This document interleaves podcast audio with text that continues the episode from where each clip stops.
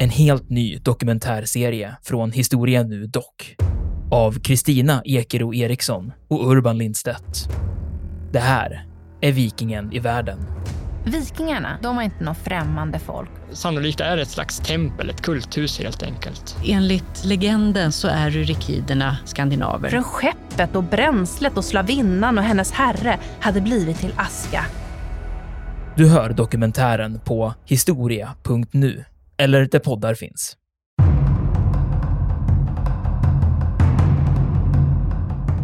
Belägringen satte igång då på riktigt allvar den 14 juli då, 1683. Då är så att staden på slutligen då eh, innesluten. Och då kan man ju nämna då att den habsburgske kejsaren då Peter, han, han ger sig iväg då. Leopold den förste. Eh, vissa menar att han, han blir tillsagd att ge sig iväg för att han ska vara i säkerhet. Men han finns då i Passau med sitt hov och ungefär 60 000 av Wiens invånare. Men kvar i staden blir då omkring då lite hur man räknar här nu. Jag har sett lite olika siffror på här, men vi kan säga med frivilliga och reguljära trupper ungefär 15 000 man som nu ska försvara Wien.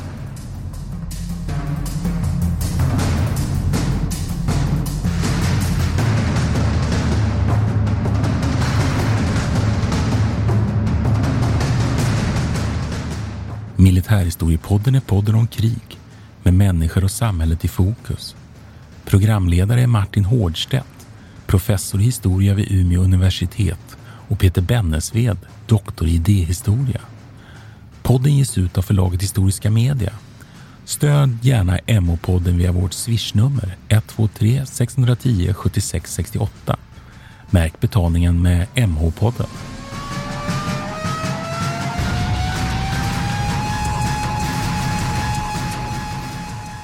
Välkomna till Militärhistoriepodden. Det här är Peter Bennesved. Och där är Martin Hårdstedt. I vanlig ordning. Och den här gången ska vi prata om Wien 1683. Förlåt. Oj, det Och, höll på att bli eh, 1529 där, därför att det är ju en av första gången som, Berlin, som Wien ju Ja, belägrades, precis. Det är inte? Så det var gången. inte så konstigt. Nej, ja, man kan väl säga så här att det här avsnittet har lite, två upprinnelser kan man säga. Å ena sidan har vi gjort ett antal avsnitt som ska prata om strax. Eh, men det finns också en lite mer samtida kontext. Faktiskt, som jag lite, lite grann glömde bort i förarbetet, men som kom på här i slutet, det är ju faktiskt det att det här, det som händer i Wien påverkar ju faktiskt ganska mycket det som händer i Ukraina under samma tid. Och för ett tag sedan så gjorde vi ett avsnitt om Poltava. Och vi diskuterade rätt mycket det här kosackhetmanatet och, och eh, Stepan Mazepa och hans, hans rörelse mot Sverige där han sökte efter en allierad. Och det har ju faktiskt direkt kopplat till det här för att efter belägringen av Wien och den ottomanska liksom tillbakagången så, så söker man ju kosackerna eh, en ny allierad för att kunna mota bort Ryssland och Polen. Och då blir det just eh, Karl XII som dyker upp på horisonterna. Så alltså de här, det här det sitter ihop, det är ungefär samma tid. Så det är en intressant kontext det här egentligen. Och, och om man säger att misslyckandet med Wien leder ju också till att Ryssland slutligen också får kontroll över Azov-hamnen, eller eh, en, en, en hamn som heter Azov, som är kopplad då till Azovhavet, som är precis norr om Krim. Och det blir liksom en slags fullbordan av deras rörelse ner mot Svarta havet. Rätt intressant. Har du någon kommentar på det? Martin? Ja, alltså eh, några sådana här definitionsfrågor här lite. Ja. Eh, ottomanska och osmanska och turkiska. Ja, blandade jag där eller? Jag brukar Ja, blanda eller, dem där. nej, eller jag skulle Ja. vilja säga så här, va, att man möter ju eh, på, på engelska ofta the Ottoman Empire. Osmaner brukar jag föredra att säga för att man inte ska eh, blanda ihop det med, med det som sen kommer det, det moderna Turkiet. Men det förekommer också i litteraturen då, turkarna till exempel. Men jag fattar inte varför finns det ens två olika? Ottoman är också en möbel, men det tror jag att det är ingen som tänker på i det här sammanhanget. Nej, det tror inte jag heller Ja. för sig. Men, nej, men osmaner har ju mer att göra med dynastin. Medan Turkiet kan man lätt eh, koppla mer till det som sen blir den moderna stat, nationen Turkiet. Eh, men det förekommer ju benämningen turkar på folket som befolkar mindre Asien och vi behöver nu inte falla ut excesser Men vad är skillnaden mellan ottomaner och osmaner? Nej, det Eller ska vara synonyma begrepp. Bara Ja. det att det är en, snarare en semantisk fråga. Att det är alltså en språklig fråga. Så att, Jag upplever att i svenskt språkbruk så förekommer osmanerna mera. så man är det pratar nog, om ja. osmaner. Men när man läser engelsk litteratur så är det ofta ottomaner. Ja. Mm. Det har säkert någon språklig bakgrund som vi inte känner till. Någon, någon eh, lyssnare får gärna upplysa oss om de känner till det här. Det vore intressant att Men veta. om vi skulle ta och lägga en grund då, Peter? Här. Ja, Det- men ja, precis. ja. Jag ska säga det. Att det, det, som vi, det som det här berör det är ju egentligen slutsteget i den här, det som man brukar kalla för den ottomanska expansionen, eller den osmanska expansionen, beroende på hur man är lagd nu. Då. Eh, och vi har varit och rört vid det här tidigare. Och det första steget egentligen, vi har inte riktigt kört dem i ordning, men vi har varit och duttat lite här och var. Det kan man också se som en ytterligare en duttning. Men vi började egentligen med Konstantinopels fall, 1453 va? Blir det. Och sen så har vi pratat om, om eh, belägringen av Malta 1565. Och vi har också diskuterat Lepanto 1571. Alla de här, och sen fin- det finns givetvis mycket flera. 1529 var vi inne på. Ja, belägringen av Wien 1529 det är den också. första belägringen av Wien. Jag tänkte komma till den strax. Men, men det, där är liksom, det finns en, en rad sådana här slag och, och belägringar som också har, kan man säga, har samma vikt som de vi precis har nämnt, men som vi inte hunnit gå igenom än i alla fall. Men syftet här då, det är ju att ottomanerna och, och det imperiebygge som påbörjas under 1200-talet och som till slut får sin fasta form 1299, det leder till en, en, en expansion mot Europa. Och då är det framförallt i det området som idag är, är liksom Grekland, och Balkan, Rumänien. Ottomanerna tar sig uppåt här och tar kontroll över de här områdena. Och varför? Jo, de vill ha kontroll över handeln som är mellan Svarta havet och Västeuropa som är extremt lukrativ. Eh, och det är ju ett av syftena till att man rör sig upp mot Wien. Då, va? Och sen i Medelhavet, Eh, när vi pratar Lepanto och belägringen av, av eh, Malta, så handlar det om, eh, likaledes om att ta kontroll över de hamnar och de handelsleder eh, som annars Venedig gärna kontrollerar i det här området och sen också Spanien och, och Rom. Va? Så det är en ständig kamp här mellan väst och ottomanerna kan man säga. Hi, I'm Daniel, founder of Pretty Litter. Did you know cats tend to hide symptoms of sickness and pain? I learned this the hard way after losing my cat, Gingy. So I created Pretty Litter, a health monitoring litter that helps detect early signs of illness by changing colors, saving you money and potentially your cat's life. Pretty Litter is veterinarian developed, and it's the easiest way to keep tabs on your fur baby's health right at home. Go to prettylitter.com and use code ACAST for 20% off your first order and a free cat toy. Terms and conditions apply. See site for details. Planning for your next trip? Elevate your travel style with Quince. Quince has all the jet setting essentials you'll want for your next getaway, like European linen, premium luggage options, buttery soft Italian leather bags, and so much more. And is all priced at 50 to 80% less than similar brands. Plus, Quince only works with factories that use safe and ethical manufacturing practices. Pack your bags with high-quality essentials you'll be wearing for vacations to come with Quince. Go to quince.com slash pack for free shipping and 365-day returns. This is Paige, the co-host of Giggly Squad, and I want to tell you about a company that I've been loving, Olive and June. Olive and June gives you everything that you need for a salon quality manicure in one box. And if you break it down, it really comes out to $2 a manicure, which is absolutely insane. It's also so easy to get salon worthy nails at home with Olive and June. The difference between how your nails used to look when you did them yourself and now with the Manny system is a complete game changer. The best thing about Olive and June too is it's a quick dry. Dries in about one minute, lasts for five days, and full coverage in up to one to two coats. Visit oliveandjune.com slash perfectmanny20 for 20% off your first system. That's oliveandjune.com slash perfectmanny20 for 20% off your first system.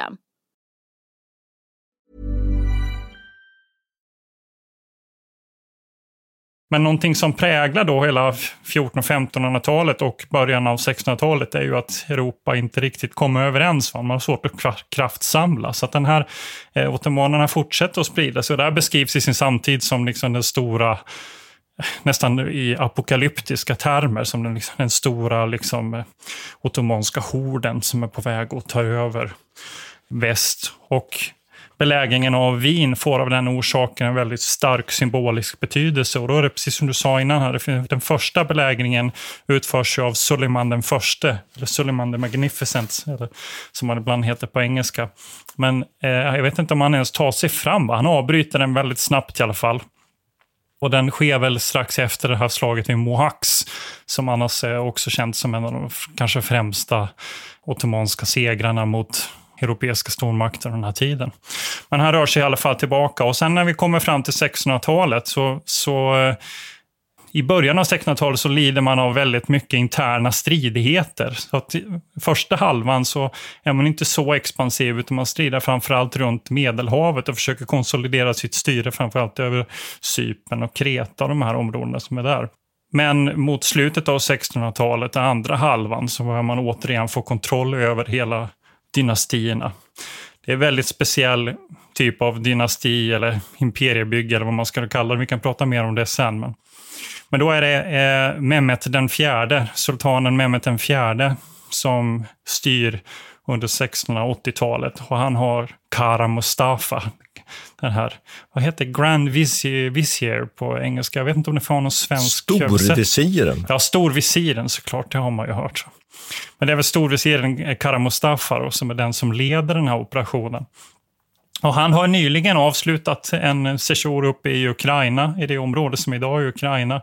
Eh, och nu vänder de sig då mot, mot Wien. Och den yttersta orsaken som man då ser nu, det är att man har en hel del gränskonflikter mot Ungern och de här områdena som gränsar till Ungern.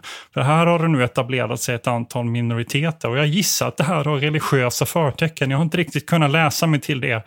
Eh, men som alltid i det här Balkanområdet så har det varit en ständig konflikt mellan ortodoxa och muslimska minoriteter. Så att eh, den, det liksom förtexten till det här verk tycks vara det, att det pågår en hel del eh, konflikter och man använder det som ursäkt för, för att anfalla Wien. Och sen finns det också den där handelskontexten som är väldigt viktig då. Om man tittar på en karta här nu så, så kan man ganska snabbt se att om man har sitt maktcentrum i Istanbul och Ankara och de här områdena i vad blir det, i västra Öst, Anatolien. Ja, ja, östra ja, precis, mm. precis. Östra Medelhavet. Och om man vill komma åt Västeuropa, då fungerar Wien som ett slags lås för hela Västeuropa och som knyter den, den här landtungan mellan, mellan Svarta havet och, och eh, vad heter det? Egeanska sjön, va? Eller vad? Egeiska havet, ja. Mm. Egeiska havet. Och Kara Mustafa försöker ta sig norrut nu då. Och det är faktiskt lite oklart om man faktiskt hade Wien som mål tycker jag. Mm. Källorna verkar inte riktigt antyda att Mehmet den fjärde gav order om att han skulle belägra Wien, utan det här verkar vara någonting som har vuxit fram under den här kampanjens gång. Utan man hade andra mål. Det första steget är att man når Belgrad i mars. Och där stannar också Mehmet, den här sultanen. Medan Kara Mustafa då går vidare. Jag skulle vilja lägga till en sak där. Ja, det är konst, konstigt att det här kriget, alltså själva krigsförklaringen, kom ju redan på hösten sensommaren 1682. Och det kan man ju ifrågasätta egentligen då, om det var så klokt, därför det innebar ju då att, att man kunde inte sätta igång den här kampanjen på riktigt allvar och ta sig hela vägen. Och det beror ju på att logistiken fungerar ju inte under höst och vinter i Europa, utan man för ju krig under sommarhalvåret. Så där kan man genast börja lite fundera på hur planläggningen var. Hur de strategiska planerna egentligen var som du är inne på här. För att var målet att ta vin, då hade det varit mer förnuftigt att ha gjort ett så att säga, tidigt, sent vår eller tidigt sommaranfall plötsligt. För nu fick ju egentligen den, den kristna sidan här, om vi nu gör det här, det är kanske lite fel egentligen att göra det här till religionskonflikt faktiskt, för det menar ju många, många historiker att det, det är det inte. Men vi kan väl säga de västeuropeiska staterna då i det här fallet och det är ju inte heller en klar bild och det kanske jag ska reda ut sen så småningom, för det är inte alla, alla västeuropeiska stater som stöttar nu då Habsburg i, i den här kampen mot osmanerna. Men de får ju plötsligt ett halvår att, att eh, rigga en, en allians och konkret förbereda Wien och andra städer för belägring. Och precis som du säger så är, är det inte så att man egentligen är helt klar på att, att huvudmålet är Wien från början. Nej, precis. Och jag, en annan sak som jag undrar, jag vet inte om jag tycker vi kan prata lite om den europeiska politiken här, för jag tycker den är viktig. För det finns en sak som jag studsar över, och det är det här slaget i Umahax under 1500-talet. Som leder till, jag vet inte om du känner till det, jag kan inte detaljerna, men det är en ungersk kung, Louise den första kanske, som dör här. Och detta har, har lyfts fram som en av de första, eller de största liksom, eh, muslims eller ottomanska segrarna här. Men successionen efter leder till att Habsburg och Ungern blir ett kungadöme. Mm. Eftersom Mm. han dör så tar hans ska säga, det, Ferdinand den andra över. Va? Mm.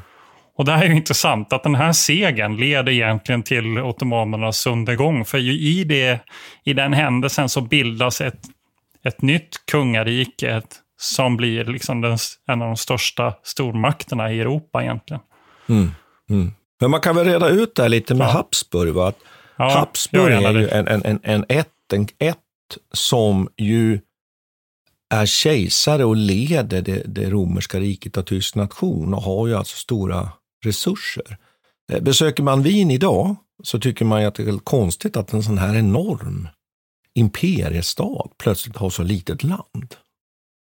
Det är ju så. Det är en imperiehuvudstad med ett litet land, så att säga, som knappt har något land. Men en gång i tiden var ju Wien en, en, imperiehuvudstad i ett enormt rike, som ju under perioder dominerade Europa fullständigt. Men så är det inte riktigt när vi kommer till andra hälften av 1600-talet, utan då har ju den här eh, kejsaren som på något sätt, man skulle väl kunna för att lite förenkla, tror jag varit inne på det här tidigare, han, det är en, en form av federation då i det här tysk-romerska riket där det finns en viss då sammanhållning. Men samtidigt drar man åt lite olika håll. Och ett problem för det habsburgska riket och det tysk-romerska riket är just det här Ungern som du pratar om. Här finns det en intern konflikt mellan då Wien, Habsburg och ungrarnas egna eh, egen vilja att, att, att bli självständiga. Och det här kommer ju så småningom att det kommer ju leva kvar. De finns ju kvar och görs egentligen inte upp för så sent som 1867 då man, då man gör en dubbelmonarki då, Österrike-Ungern. Men det ligger ju långt fram i historien. Men det, kan man väl dra hela vägen fram till idag egentligen, att Ungern är ett land som ligger lite emellan två, Ja, två Det, och, och precis som du säger, maktspolar, och, ja, liksom. och, och, Mm. och det intressanta är då här att vid den här tiden då så finns det alltså protestanter i Ungern som vill ha en egen självständighet och vi behöver inte hänga upp oss på religionen men som driver liksom en egen politik. Och här finns det då en, en- en, person då som heter Tökul som, som faktiskt flörtar tidvis med osmanerna för att få stöd mot Habsburg. Och nu kommer vi in på någonting väldigt intressant, att det Osmanska riket är en sån här viktig faktor i den europeiska utrikespolitiken och används ofta. När olika fraktioner eller allianser i Europa tävlar om maktinflytande och använder man Osmanska riket. Och vid den här tiden så är Ludvig den XIVs Frankrike en makt med stora ambitioner, inte minst att expandera in i det som vi idag kallar för Belgien och Holland. Och de för en ganska, får man väl uttrycka sig så, ful politik ur ett Habsburgskt perspektiv, där man är ganska glad, om man uttrycker sig så, för att Osmanska riket nu sätter tryck på, oss, på Habsburg. Man kanske inte vill att Osmanska riket ska köra över det Habsburgska riket och inta Wien, det kanske man inte vill. Men man ser gärna att Habsburg får sin närsbränna, därför att då kan Ludvig den XIVs Frankrike flytta fram sina positioner, framförallt norrut men också in i Tyskland och ta andelar av det här tysk-romerska riket. Så man ser gärna en försvagning av tysk-romerska riket. Så det betyder att det mäktiga Frankrike vid den här tiden kommer inte att stötta Habsburg nu i den här, om man nu säger så, dödskampen mot Osmanska riket. Och där tycker jag kan vara viktigt nu att komma ihåg. Plus då att det finns en intern maktkamp mellan ungrare och Habsburg som är gammal och som också lever kvar och som kanske till och med idag, vi kan skönja än, än, ännu idag. Även om inte nu så att säga Wien och Österrike är något stort imperium längre. Men det här kan man ha med sig. Och just Mm. Men jag, känner igen det här, ja. jag, jag känner igen det här från, eh, har vi inte en liknande situation under, under revolutionskrigen? Jo, absolut att Osmanska Ja. riket spelar, är en faktor här hela tiden. Och, och det intressanta är att, att till och med Sverige har utnyttjat Osmanska riket under perioder. Gustav III spelar ut osmanerna mot Ryssland maktpolitiskt, till exempel. Och, och lite senare, då, det är ju hundra år senare. Men det, det tycker jag att man kan ta, med- ta, sig, ta med sig in i den här gången. Och då, vad är det för allians nu som byggs här? Och nu är vi lite tillbaks till till de här heliga ligorna och allianserna kring Lepantoslaget 1571, om lyssnarna kommer ihåg det. Då byggde man ju allians. Och Klassiskt nu då så är det Habsburg. Ni minns ju, vi minns ju då till exempel att det var ju österrikare som ledde slaget vid Lepanto, eller hur? Och den segern då mot osmanerna kan man diskutera stor betydelse det hade, men så var det i alla fall. Så nu bygger man nu en allians och de som är med och backar upp nu då Habsburgen då trots allt, det är Polen. Eller egentligen det som kallas för det polsk-litauiska samväldet. Det är lite intressant då med, med den här då ryktbare Sobieski som sen så småningom kommer ju figurera nu då här, hjälte i det här slaget som vi snart kommer till. Han har då en deal med Habsburg om ömsesidigt bistånd. Han är ju rädd att osmanerna vänder norrut och går mot Krakow, eller hur? Ja. Och han har stridit med, os med osmanerna inne på polskt eh, litauiskt territorium ja. för bara 10-15 år sedan ungefär. Ja. 672 kampanjen där. Eh, så han eh, lyckades ottomanerna ta sig så långt upp som Lviv. Och det är tummet är han som motar dem där va? Jo, och han, han, han är lojal nu här, så han piskar ju fram faktiskt en högklassig mm armé som inte minst innehåller oerhört eh, kvalificerade kavalleriförband eh, som småningom då kommer ju enligt många fälla avgörandet i det här konkreta slaget som utkämpas utifrån Wiens murar. Så han är med. Och sen då räknar man in Venedig och det tycker jag är lite spännande här. Venedig är ju också med vid Lepanto, men de har ju ett direkt intresse av det här. Det är ju liksom en stadsstat som har, har hela tiden känner sig pressade av osmanerna. Och sen påven, Innocentius den, den elfte, är faktiskt med och backar upp Kanske inte så mycket med trupper, men i alla fall politiskt och med, med vissa ekonomiska medel. Och slutligen också faktiskt den här hertigen av Lorraine. Så Ludvig XIV har ju nämligen konfiskerat hans område. Elsass-Lorraine kanske vi, eh, Elsass-Lottringen. Elsass-Lottringen och Lorraine är ju det franska namnet för, för lottringen. Så han har ju blivit av med sitt hertigdöme och han backar upp och hertigen av Lorraine finns med här med trupper. Och sen räknar man med då en del trupper från det tyska området utan att gå in på i detalj här. Det kommer en del trupper från, från Franken, Frankonien bland annat och så vidare. Så här finns det nu alltså en armé av polacker, om man nu säger så, tyskar för att bunta ihop dem och sen habsburgare. Och det är den här armén som småningom då som kommer att undsätta Wien när vi kommer fram då på hösten i september 1683. Då. Men då är det alltså för att har jag tolkat det här rätt som att det här görs möjligt på grund av att västfaliska freden är så att säga avslutad också, att Europa kan samla sig på det här viset? Ja, och det också är ju att det här är ju perioden efter västfaliska freden 1648. Och under 30-åriga kriget som var den stora uppgörelsen i Europa så kliver ju sen så småningom Frankrike fram som den stora vinnaren tillsammans med Sverige då i Nordeuropa.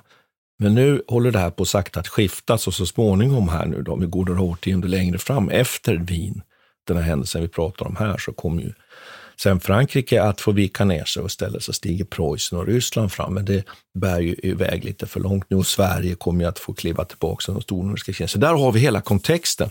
Men det vi står inför, ja, det, och, det, och det är fu, tjuv och rackarspel måste man också säga. Ja. För att här använder man på något sätt då indirekt osmanerna. Hur aktiva de här kontakterna nu möjligtvis skulle ha varit mellan Ludvig XIVs hov och, och, och osmanerna. Det är en sak som är väldigt svår att klarlägga, men vi vet att det finns liksom i alla fall den här vad ska jag säga, tanken och idén hos Ludvig XIV att det skulle inte vara så dåligt om, om Habsburgarna får sin näsbränna. Flexibility is great. That's why there's yoga. Flexibility for your insurance coverage is great too. That's why there's United Healthcare Insurance Plans. Underwritten by Golden Rule Insurance Company, United Healthcare Insurance Plans offer flexible, budget friendly coverage for medical, vision, dental, and more. One of these plans may be right for you if you're, say, between jobs, coming off your parents' plan, turning a side hustle into a full hustle, or even missed open enrollment. Want more flexibility? Find out more about United Healthcare Insurance Plans at uh1.com. Quality sleep is essential. That's why the Sleep Number Smart Bed is designed for your ever evolving sleep needs. Need a bed that's firmer or softer on either side? Helps you sleep at a comfortable temperature? Sleep Number Smart Beds let you individualize your comfort so you sleep better together. JD Power ranks Sleep Number number 1 in customer satisfaction with mattresses purchased in-store. And now save 40% on the Sleep Number limited edition Smart Bed for a limited time. For JD Power 2023 award information, visit jdpower.com/awards. Only at Sleep Number stores or sleepnumber.com. Mom deserves the best, and there's no better place to shop for Mother's Day than Whole Foods Market. They're your destination for unbeatable savings, from premium gifts to show-stopping flowers and irresistible desserts. Start by saving 33% with Prime on all body care and candles. Then get a 15-stem bunch of tulips for just $9.99 each with Prime. Round out Mom's menu with festive rosé, irresistible berry chantilly cake, and more special treats. Come celebrate Mother's Day at Whole Foods Market. Så småningom då i alla fall så tränger den här stora armén då fram till Wien. Och där kan man ju diskutera lite hur stor historien där var. Man pratar, man pratar i en del fall om 150 000 man och så vidare. Det är alltid sådana här gummisiffror det här. Gummibandsiffror. Vilken sida talar om? Vi pratar om osmanerna. Ja. Att den 90 000 ha varit en, läste jag. Ja, den skulle ha varit så stor. Va? Men då kan man tänka sig att Ja. den knoppar av med garnisoner och går åt en del soldater Mm. under fälttåget. De som sen så småningom kommer fram då, en armé på under 100 000 man. Då. Och så inleder man då en, en belägring. Och vad har då Habsburgarna här nu att sätta in? Och du kan bara konstatera det att belägringen sätter igång då på riktigt allvar den 14 juli då, 1683. Då är så att säga staden på slutligen då Innesluten. inneslutet. Och då kan man ju nämna då att den habsburgske kejsaren då, Peter, han, han ger sig ju iväg då. Leopold den förste. Eh, vissa menar att han, han blir tillsagd att ge sig iväg för att han ska vara i säkerhet. Men han finns då i Passau med sitt hov och ungefär 60 000 av Wiens invånare. Men kvar i staden blir då omkring då lite hur man räknar här nu. Jag har sett lite olika siffror på här, men vi kan säga med frivilliga och reguljära trupper ungefär 15 000 man som nu ska försvara Wien. Och jag vet inte om du har varit i Wien, har du varit det Peter? Nej, det är faktiskt Nej, och då är det så att det, det finns ett sånt här landmärke som heter Ringen. Och man brukar säga att man ska ha ett hotell innanför ringen, brukar man säga. Och bara för att få liksom klart för sig dimensionerna nu på det här, hur, hur egentligen små de var. Därför att den där ringen, ni som har varit i Wien, kära lyssnare, ni, den ligger där de yttre befästningsvallarna fanns. De som byggdes så småningom i början på 1700-talet. Det är ju så att alla befästningar är borta idag, allt passionssystem är borta från Wien. Och sen mellan den där yttre ringen och den inre försvarsvallen, den som ju fanns med bastioner just då 1683, där fanns det då en massa bebyggelse som, som alltså inte existerar på det sättet alls. För Wien är en stad som ju framförallt expanderade mycket under slutet av 1800-talet och inte minst under 1900-talet. Så att Wien var ju en relativt, om vi säger nu inom citationstecken, liten stad vid den här tiden ändå. Och då är det så att utanför de här murarna, då, den här inre cirkeln av bastion, var ju en bastionsfästning, alltså relativt ändå väl byggd. Så hade man då skottfältsröjd så man kunde skjuta rent utanför, om man uttrycker så. Glasisen som det heter på, på fortifikationsspråk. Ytterligare utifrån då så fanns det en gammal träpalissad som hade börjat ruttna, men som man snabbt förstärkte. Och det där tog flera veckor för osmanerna att ta sig igenom den där. Och sen är det så, som ju kanske är egentligen avgörande för den här belägringen, den är ju att osmanerna har inget riktigt vettigt belägringsartilleri. Man har fältartilleri i stort sett. Omkring 130 fältkanoner. Och befästningen Wien då räknar man med har ungefär 370 kanoner och kan alltså med ganska stor framgång hålla osmanerna ifrån sig. Utan osmanerna är hänvisade till att börja gräva och gräva och gräva. Och gräva sig fram mot och göra helt enkelt klassiska skyttegravar i olika linjer för att sedan ta sig fram mot murarna. Och metoden blir att gräva sig in under och spränga minor för att sen få den här fästningsvallarna, då, eller bastionen, att rasa samman. Och det här tar oerhört lång tid. Så att här har vi väl kanske egentligen svaret på att man inte lyckas ta den här fästningen egentligen så snabbt som man hade tänkt. Och vi, vi har väl kanske anledning att komma tillbaka lite till det här med fortifikation i något avsnitt. Men jag ja, tycker men att, jag, tycker, men vi, jag, jag tycker vi kan säga någonting på en gång. Jag kommer ihåg för länge sedan så pratade vi om Vauban. Och, jo, precis. Så det eh, här är ju en sån belägringskonst. Va? Ja. Och det, jag menar, det, här är ju, det här är ju också det resultatet av att man under två 150 år ägnat sig åt belägringskrigföring i Europa och att den här typen av befästningsteknik har blivit ganska avancerad i Europa och att man har lyckats bygga upp det på det här viset. Så att man, och det är ju någonting som ottomanerna saknar. Och de, dels att de har inte den kulturen, de har inte behövt belägra på det här, eller bygga upp fortifikationer av det här slaget. Och att de inte har, jag vet inte, man kan säga att de be, inte har behärskat Ja, de behärskar eh, artilleritekniken. Men, men, det, gör men det de. är ju någonting som har, det har funnits en konservativ ådra eller någon slags oförmåga att verkligen dra utnyttja den fulla potentialen i det. för, för det är säga, i alla snarare tvärtom, att man är ganska skicklig på att göra belä, belägringskrigföring faktiskt från Osmans sida. Men vid det här tillfället har man inte med sig, och det tyder ju på det du var inne tidigare, att var Mm. verkligen målet att lägga den här stora staden under belägring, skulle jag kunna säga. Men det är ju samma sak 1529, då har de inte heller med sig tillräckligt med artilleri. Och så på de hundra åren, mer än hundra år som går här, så har, tycks de fortfarande inte ha dragit den läxan, att man inte man måste ha med sig tillräckligt. Nej, men det tyder- jag kommer, ja. Å andra sidan har du rätt i det, att jag kommer ihåg när vi pratade om Konstantinopel 1453, så om det är någonting som är symboliskt för den belägringen så är det ju den här enorma kanonen, den här bronskanonen som Just. som de eh, använder genom sig av för, ja, för att skjuta igenom murarna. Så att det visst, eh, i viss mån är det ju så. Men de klarar ju uppenbarligen inte av det vid det här läget i alla fall. Att det har man Och- inte liksom... Ja, man kan väl säga så här, va, att, Ja. att man attackerar då Wien från, från väster. Och framförallt i den här burkbastionen man attackerar, men också Löbelbastionen. Nu kanske ser inte så mycket, men den som är intresserad kan ju titta på en karta kanske. Det finns ju inte bastionerna kvar, men på en karta från den här samtiden i alla fall. Och, eh, så småningom lyckas man ju faktiskt slå, slå sig igenom och, och slå en bräsch. Så att när vi kommer fram då till, till början av september, då börjar det se mer och mer illa ut. Men samtidigt är det så att, att inne i staden så är man liksom fredad från det osmanska artilleriet.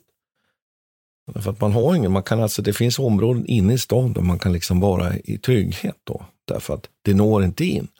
Sen tycker jag en sak som man kan kommentera, vi hade, har ju haft precis nyligen ett avsnitt om barbarism och det tycker jag att så slående hur, hur brutal man är mot motståndarna här. Man, man, man de som tar sig in av de spanska soldaterna stupar då i striden, ja, de hugger man huvudet av och sätter upp på pålar från kristen sida. Och, och sen begår man då illdåd från den osmanska sidan. Sen i slutet av striderna, eh, striderna här när man blir tvungen att att evakuera hela den osmanska truppen, ja, då avlivar man alla sina fångar. Där funderar man lite kring just den här, den här frågan om, om, är det där liksom någonting som man då gör eh, eller är det som är så att säga en, en del av krigföringen? Eller är det så att den här religionsdimensionen på den här krigföringen ändå spär på det där? Det kan vi ju inte svara på, men det är en, jag tycker att det är en intressant fråga, för det förekommer här med enorm brutalitet, den här typen av Mm. vi skulle säga folkrättsvidriga eh, eh, Mm. övergrepp. Det är ju helt Mm. anakronistiskt att prata om det naturligtvis, för att det här är ju 1600-tal. då. Men, så det kan man väl ha med sig här. Och, och sakta maler ju de här osmanerna alltså sig in mot eh, garnisonen leds ju av väldigt kompetenta personer och de är väldigt aktiva. Det är ju inte något, någon, någon Kronstedt på Sveaborg här, men ni får komma med en sarkasm här. Utan snarare tvärtom. Utan den här, den här och det som, som kritiken brukar framföras mot, mot Kronstedt 1808, det var att han, han var liksom helt passiv. Utan här är man ju inte passiv, utan man, man använder hela tiden utfall och attackerar och stressar osmanerna. Och den här Starenberg, då, Rüdiger von Starenberg, kommer ju sen så småningom bli en stor hjälte, för det är han som leder den här försvaret av Wien då, tillsammans med, en- med en saxisk ingenjör, då, eh, Georg Rimpler, som står liksom för att, att få ordning på befästningssystemen. Då. Och de klarar ju faktiskt det här, för Wien intas ju faktiskt inte. Men när det är precis på håret, det, det smäller ett antal minor. Det kan man också nämna att de här minorna grävs, då, då gör man motdrag från insidan. Då gräver man gångar och så tömmer man dem där på krut. Och så håller man på med en sån här katt och råttalek där i underjorden. Det är ganska, ganska fascinerande faktiskt. Men så småningom så är det så att man får till en bräsch och, och spanarna slår en bräsch i muren och, och eh, striden och slutstormningen kommer all, eh, allt mer nära. Man, kan, man räknar med att osmanerna faktiskt vid åtminstone 18 tillfällen på riktigt allvar försöker storma Wien. Och, och, det är oerhört kostsamt. Så man, det är väl ett intensivbelägring det här som inte bara är mm. det här malandet och grävandet och mi, minandet, minläggandet och minsprängandet, utan också eh, verkligen direkta stormningsförsök från osmanska sidan. Men så småningom då så uppenbarar sig ju på höjderna då, nordväst om Wien, den här undsättningsstyrkan då, som kommer. Och det är ju så här att det inte är så lätt terräng ner mot Wien.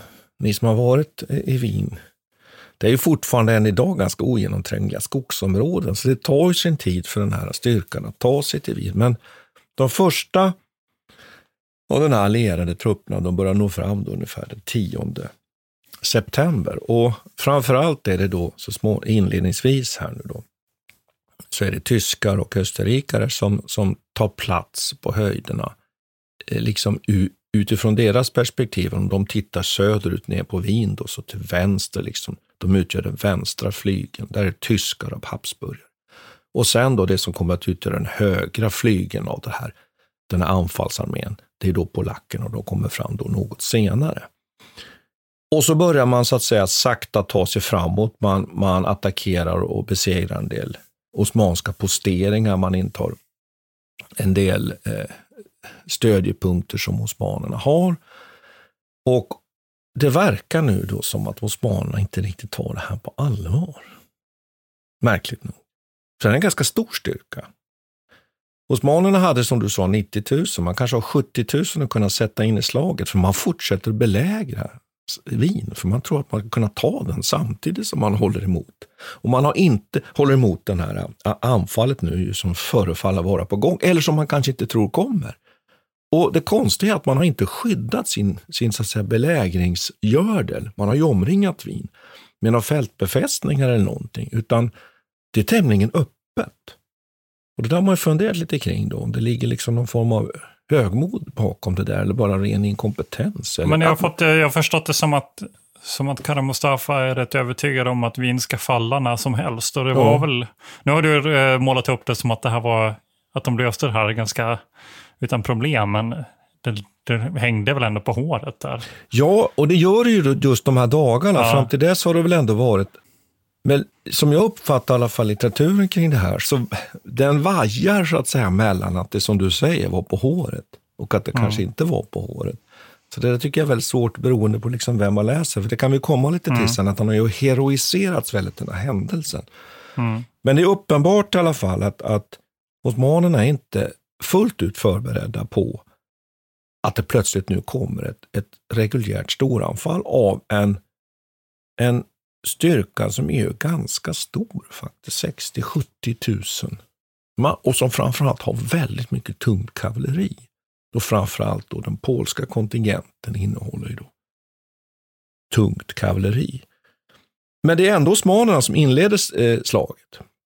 Så osmanerna inleder med att anfalla Habsburgarna och tyskarna där på, på deras vänstra flygel, eller ur osmanska, ur deras perspektiv då, på deras högra flygel så anfaller. Och där inleds striderna. Och man kan väl säga då att så småningom då så anländer då polackerna och striderna inleds då på den 12 tidigt på morgonen på allvar. Och sen kan man säga att de, den då kristna sidan, jag vill inte gärna liksom uttrycka mig så, för det blir fel, men men man kan säga då att, att Habsburgare, tyskar och polacker, de liksom flyttar fram sina positioner och har långsamma men ändå stadiga framgångar mot osmanerna som sakta trycks ner. Men det är ganska kostsamt och man, man tvekar lite på då den tysk-habsburgsk-polska sidan. lite. Ska man gå vidare? Vågar vi trycka på? Eh, är det möjligt att vinna? Och här eh, infaller då en sån här diskussion. Den som är hertigen av Lorraine är ju då, kan man säga, den som, som leder trupperna på den vänstra flygeln, medan Sobieski, då den polska kungen, i kraft av sin ställning då är den som är överbefälhavare. Och båda de här egentligen befälhavarna, de tvekar lite här. Polackerna skickar mindre kavalleristyrkor till anfall mot osmanerna, men de slår visserligen igenom de osmanska linjerna, men de huggs ner. Så man är lite tveksam, men till slut så fattar då Sobieski det här Eh, berömda beslutet. Och då är det inte nu då Peter, att de är där högst uppe på höjden och så bara väller de ner för branterna då. För det är nästan den bilden man kan få av den här händelsen nu. Eh, när man tittar på målningar. Utan det är ju så att Habsburgare, tyskar och polacker, de har ju jobbat sig ner. Och det här kavallerianfallet då, som så småningom innehåller faktiskt omkring 20 000 kavallerister, har man ju diskuterat om det faktiskt är så att det här är världens största kavallerichock faktiskt. Och det är ju sannolikt är det på det sättet. Den får ju fart när man kommer ner där det är lite mer låglänt och lite planare. Och det sista slutliga anfallet, det kan inte osmanerna stå emot. Utan de blir helt enkelt överkörda och sen följer så att säga då infanteriet och övriga styrkor med då från, från den här allierade sidan. Och hals över huvud måste osmanerna utrymma då belägringsverken, sitt läger och helt enkelt fly. Och där på vägen huggs ju väldigt många ner. Då. Och där berättas det då att man bland annat avlivar då de fångar man har tagit från, från den belägrade staden Wien. Och som hämnd då, bekräftat eller icke bekräftat, så menar man då att flera tusen osmaner begravs då, sjuka och sårade begravs levande då som en hämnd. Och där kan man ju diskutera lite kring, kring eh, sanningshalten i det där. Ja, jag vet, men ingenting förvånar mig någon längre. Nej, inte nu längre. Och Nej. sen inträffar något väldigt intressant där som ett efterspel. Då, att Sobieski är ju, är ju hjälten för dagen. Han har ju räddat Wien. Mm. Men då eh, showar ju den här Leopold upp här plötsligt. Dagen efter. och dels är man då liksom irriterad på att den här polska trupperna börjar plundra det osmanska lägret. Men Sobieski får så småningom ordning på dem, för han inser ju att man, eller man är faktiskt rädd. Och det här visar ju också att det här var inte helt en självklarhet för de allierade, att det skulle gå så lätt. Utan att man förväntar sig att osmanerna faktiskt ska samla sig och komma tillbaks med motstöt. Det gör de inte. Men han lyckas få ordning på sina trupper så småningom och få, få slut på det här plundrandet.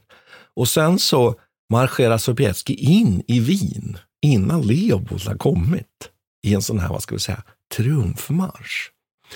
Och sen kommer ju Leopold då och ska besöka då Sobieski i det här polska härlägret. Och då är det lite dålig stämning faktiskt.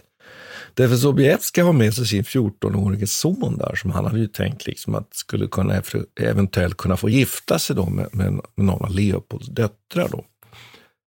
Men Leopold tittar inte ens åt honom.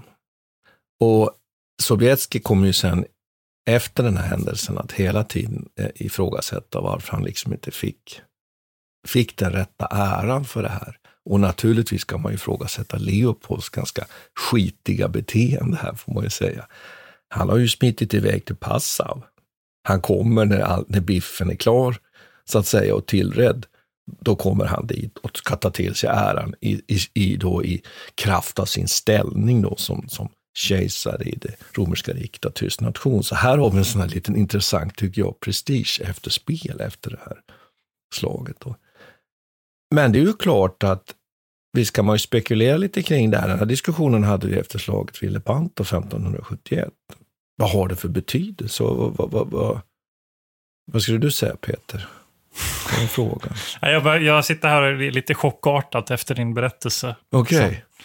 Ja, men det är ju, det är, det är enastående. Den innehåller ju alla element som gör, ja. gör det till en historisk händelse ja. som man förstår har präglat Europa sedan dess. Och där har du kanske ett av svaren, att den har fått väldigt ja. mytologisk ställning. Ja, men verkligen. Precis så eftersom du är motvillig till det här religiösa kontexten. Ja, jag är det. Det, det, håller, det håller jag med om. Jag, ja. jag, tror, jag tror du har helt rätt i det. Att det, det, den ska man vara försiktig med. Men det har ju använts i de termerna. Och, och, det har ju blivit som en slags symbol för när det kristna Europa och slutligen vinner över den här eh, muslimska liksom, framfarten. Så på det viset så kan, är det ju lätt att se. Var, och dessutom med det här dramatiska slaget i bakgrunden och alla dess element. Och, ja. Men varför de misslyckas har ju också diskuterats. Ja, vi var inne lite på det här på jag antar att det måste finnas mera tekniska komponenter också. Du, du lyfter fram det här med, med eh, tungt kavalleri och det har också varit någonting som mm. har Som, som de var svaga in... på? Ja, ja mm. precis. Som det är någonting som de var känt för att ha varit svaga. Och en sak som jag tycker kan läggas till här, det är att janitjarerna, som ju är deras elitförband, får man ju säga, de finns kvar i belägringsverken och plockas inte därifrån väldigt, förrän väldigt sent, långt in på slaget, när det egentligen redan är kört. Så det betyder att man har ju, som du sa här, en, en övertygelse om att man kommer hinna ta stan innan.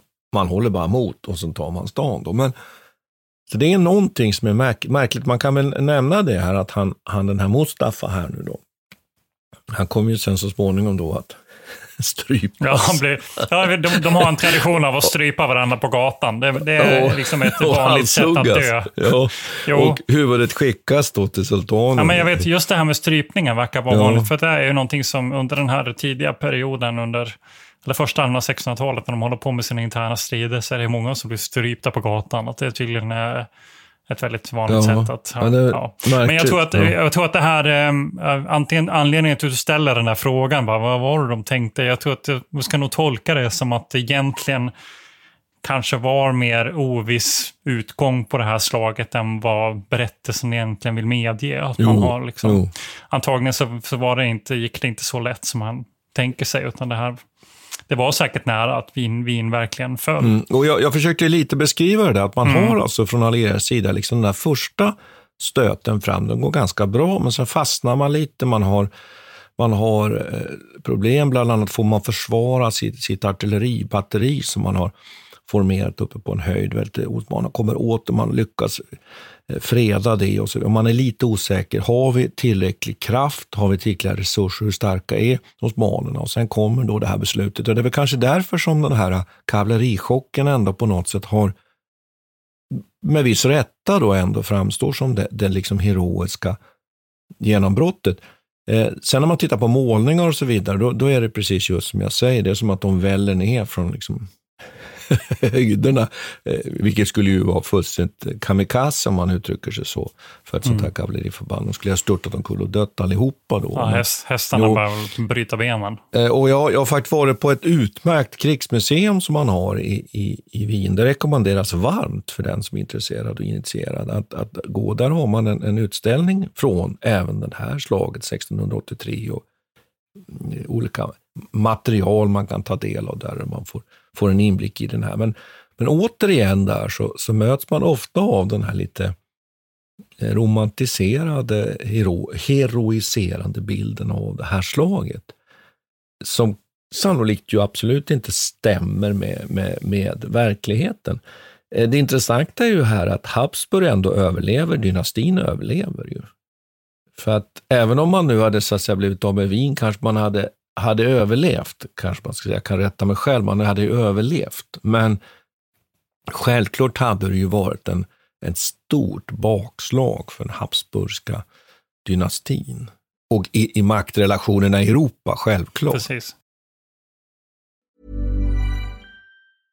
A lot can happen in three years, like a chatbot may be your new best friend. But what won't change? Needing health insurance. United Healthcare Tri Term Medical Plans, underwritten by Golden Rule Insurance Company, offer flexible, budget friendly coverage that lasts nearly three years in some states. Learn more at uh1.com. Mom deserves the best, and there's no better place to shop for Mother's Day than Whole Foods Market. They're your destination for unbeatable savings, from premium gifts to show stopping flowers and irresistible desserts. Start by saving 33% with Prime on all body care and candles. Then get a 15 stem bunch of tulips for just $9.99 each with Prime. Round out Mom's menu with festive rose, irresistible berry chantilly cake, and more special treats. Come celebrate Mother's Day at Whole Foods Market.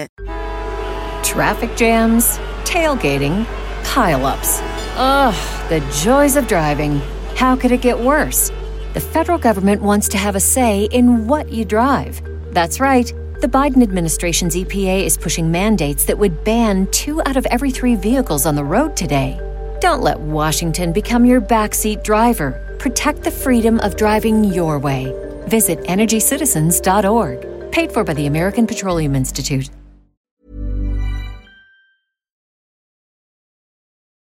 Någonting som är väldigt vanligt förekommande i historieskrivningen om Europas historia och om världshistorien generellt sett är ju att det här eh, den perioden som inträffar nu efter 1683 fram till 1699 egentligen, i, det här fredstraktatet i Karlovitz.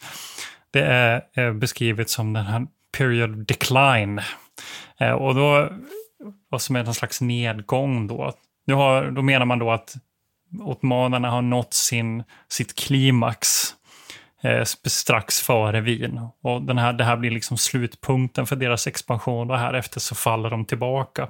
Och då har man tittat på det här eh, imperiebygget och jämfört det med andra imperiebyggen i, i, i världen över från Kina och i andra områden i Mellanöstern och liksom tycker sig se vissa, vissa mönster. Så den här, det har blivit som en slags politisk, eller inte ska säga politisk, men historie, eh, historisk symbol för imperiernas olika faser. Va? Hur det byggs upp, expanderar, konsoliderar sin makt eh, och sen faller ihop av olika orsaker.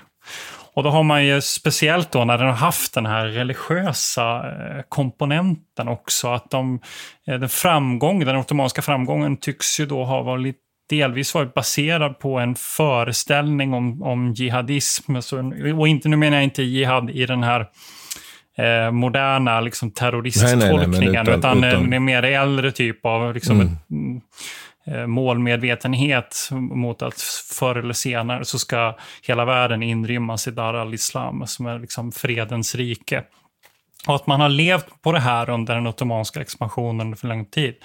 Men nu inträffar ju någonting eh, märkligt här, att de här två motpolerna då de möts, Västeuropa som är samlat och ottomanerna som eh, också starka, ett stort starkt imperium som möts här.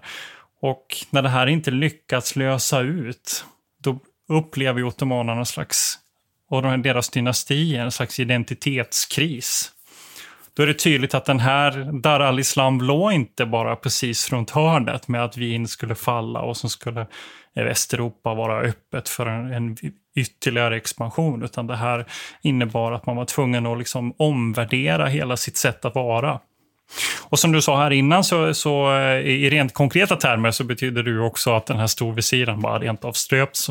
Eh, och, de här familjerna som styr, oftast var det så att själva sultanen bara satt i Topkapi-templet eller palatset i Istanbul och sen så styrdes själva den dagliga politiken av de här olika eh, ämbetena, ministrar som fanns och de styrdes av ungefär i runda slängar elva stora familjer. Liksom. Och det här bryts upp och det leder till eh, en, en rad liksom interna konflikter som också leder till att de här olika områdena i det ottomanska imperiet också får ökat självstyre. Det blir en slags decentralisering av makten som då ger en slags spiraleffekt, speciellt runt Balkan och i det här eh, europeiska området som idag är Grekland, Rumänien, Moldavien och eh, ja, Balkanländerna här. Att där blir det ett ökat självstyre som sen leder till ett självständighetsivrande helt enkelt som gör att man sakta får tvungen att krypa tillbaka.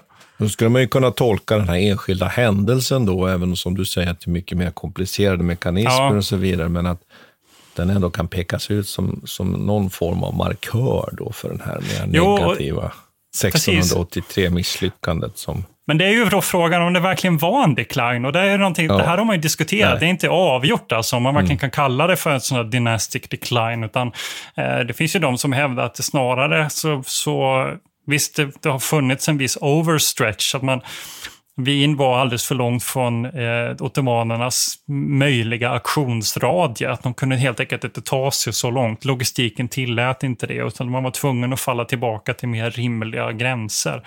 Och att det som vi i väst då har tolkat, eller den västerländska historieskrivningen har försökt tolka som ett decline, snarare handlar om en konsolidering i det om, området som, som var kanske ottomanernas kärnområden. Så de och mycket riktigt fin finns de ju kvar långt in. De kallades ju länge för the, the sick man of Europe, som blev ett slags eh, epitet för, för eh, ottomanerna. Men de finns eh, lik förbaskat kvar ju under eh, fram till 1900-talet i princip, eller slutet av 1800-talet.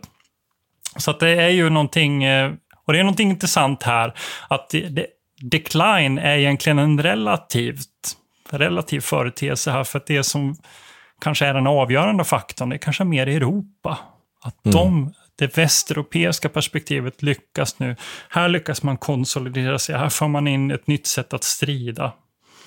Eh, som också är överlägset ottomanska. Och och det är ju efter 1683 så förlorar ju ottomanerna väldigt många slag i Ungern och i det här området. För man fortsätter ju strida fram till 1699 egentligen. Mm. Kriget, det ska man ju inte lägga till, att kriget är ja. inte liksom slut här. Utan Nej, det, är på inget, sätt, inget sätt slut, utan det här fortsätter fram mm. till, fram till 1700-talet. Men en sak som jag skulle ja. vilja lägga till är att i alla fall att den här ungerska frågan tillfälligt får en lösning här i alla fall. Och den är ju att att man inordnar ungarna då i, i det Habsburgska riket igen då, att den här Tökels eh, försök att liksom komma med någon självständighet, den, den går ju av intet då. Så det, det tycker jag väl är, är, viktigt och att ändå att den här dynastin Habsburg står kvar. Man kunde ha tänkt sig att ett nederlag här i Wien hade kanske inneburit att det hade bytts dynastin. Så att vissa saker.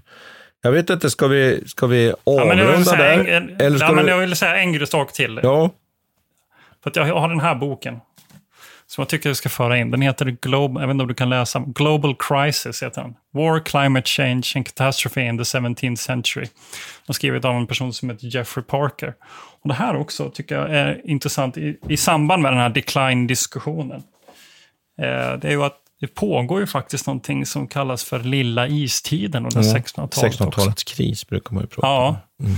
precis. Och, och det här är också någonting som har tagits upp då som ytterligare en kontext. Och det är lite mer modern historisk skrivning kan man säga som har haft de här miljöfrågorna för handen. Och det kan man också tillägga här då att sättet man ser på ottomanernas tillbakagång och expansion har också gärna tolkats i samtiden. Så att intresset för det här decline har lyftes upp till exempel i samband med 9-11 och eh, invasionen av Irak.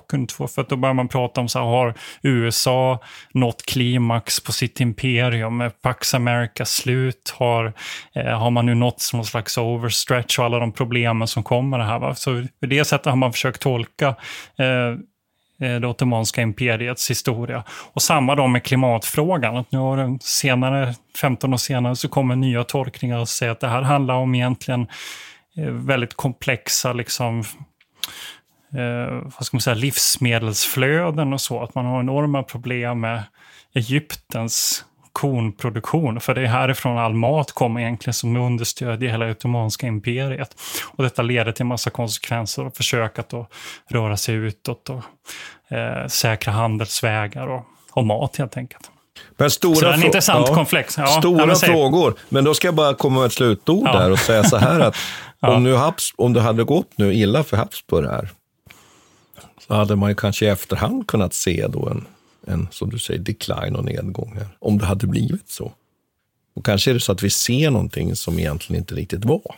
Det vill säga att händelsen i sig inte egentligen är, är orsaken till det här, utan det är helt andra saker. Men ja. vi kopplar händelsen till det där andra sen i efterhand. Ja, men precis. och man kan ju, exakt, och man kan ju ställa den här frågan då, mm. givet att Kara Mustafa hade tagit vin vad hade vad hänt? Hade, ja, vad hade hänt? Ja. Alltså inom eh, ganska snart så skulle ju vin ha tagits tillbaka. Ja, Kanske skulle det ske en... Eh, plundringen hade ju varit ganska brutal. Man kan tänka att mycket av de rikedomar som fanns där skulle skövlats och åkt tillbaka eller åkt mm. eh, mer söderöver. Va? Men i slutändan så har man ju svårt att se att det där faktiskt skulle ha spelat Nej, någon större roll. Nej, logistiken, det var omöjligt Nej. att hålla, hålla Nej. det där på längre. Och också den här kulturella skillnaden som fanns mm. skulle liksom egentligen inte bidra till någon lätt integrering av de här olika sfärerna även om det fanns sådana försök. Va? Så visst har du rätt i det, att eh, kanske har vi övervärderat den här, då, då eh, den här händelsen.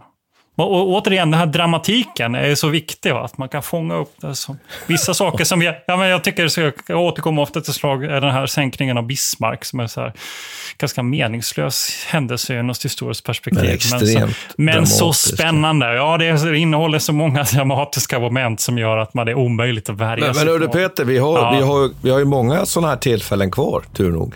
Ja, det lär det bli. Så att, eh, ska, vi, ska vi tacka för idag kanske? Ja, jag, säger, jag håller med dig. Vi säger så. Tack ska vi ha. Tack ska vi ha. vi tackar Peter Bennesved och Martin Hårdstedt.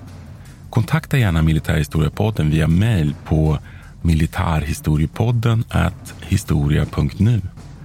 Peter och Martin vill gärna få in synpunkter och förslag till programidéer.